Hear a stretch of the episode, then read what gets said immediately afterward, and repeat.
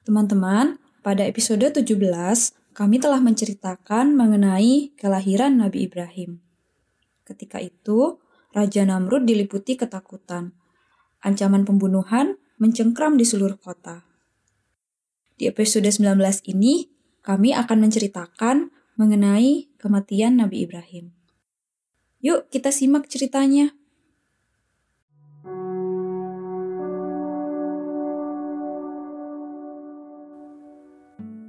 Hai, Assalamualaikum. Saya Erlina akan menemani kalian di podcast Cerita Sejarah Islam.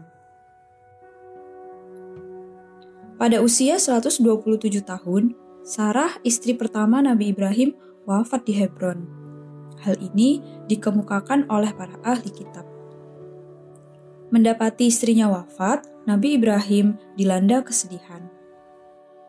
Sarah, istri setianya yang menemaninya saat hijrah dari Babilonia, kini sudah tiada.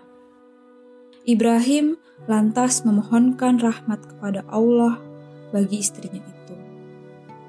Setelah itu, beliau membeli sebidang tanah milik seseorang dari Bani His. Akhirnya Sarah pun dimakamkan di tanah itu. Para ahli kitab juga mengatakan setelah itu Ibrahim melamar Rifka binti Bituail bin Nahur bin Tarih untuk dinikahkan dengan putra beliau Ishak. Setelah menikahkan Ishak, Ibrahim menikah dengan Kantura binti Yakton yang berasal dari kaum Kanan. Dari pernikahan dengan Kantura itu lahirlah enam orang anak.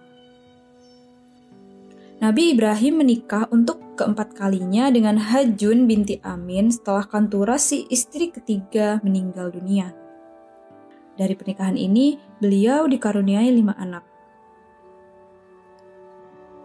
Setelah menjalin rumah tangga bersama Hajun, Nabi Ibrahim meninggal dunia.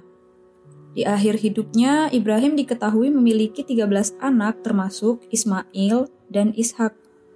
Demikianlah sebagaimana disebutkan oleh Abu Qasim As-Suhaili dalam kitabnya yang berjudul At-Ta'rif wal Alam. Ada beberapa pendapat mengenai usia dan cara wafatnya Nabi Ibrahim. Beberapa ulama berpendapat Ibrahim meninggal pada usia 175 tahun. Beberapa lagi mengatakan bahwa saat itu usia Ibrahim adalah 190 tahun. Menurut salah satu riwayat diceritakan bahwa Ibrahim wafat secara mendadak. Demikian pula halnya dengan wafatnya Nabi Daud dan Sulaiman. Riwayat lain mengatakan bahwa Ibrahim sakit terlebih dahulu kemudian wafat. Jenazah Ibrahim dikebumikan di Hebron di samping kuburan istrinya Sarah. Prosesi pemakamannya juga dilakukan oleh Ismail dan Ishak. Teman-teman, Kisah Ibrahim yang telah kami ceritakan sepanjang 17 episode kebanyakan bersumber dari ahli kitab. Seperti yang telah kami ceritakan di episode 3.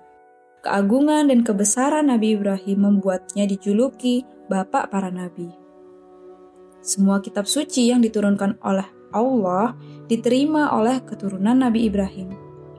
Tak mengherankan jika akhirnya kisah-kisah Ibrahim fenomenal pada banyak agama, seperti Kristen, Nasrani, Yahudi, dan tentu saja Islam.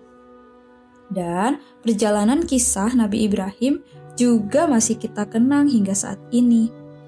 Ibadah haji yang tiap tahun bergema merupakan salah satu bentuk tapak tilas kita pada kehidupan Nabi Ibrahim. Sekian perjumpaan kita pada episode 19 ini. Di episode berikutnya, kami akan membawakan cerita mengenai perjalanan kehidupan Nabi Ibrahim yang terabadikan di prosesi ibadah haji. Sampai jumpa lagi. Wassalamualaikum warahmatullahi wabarakatuh.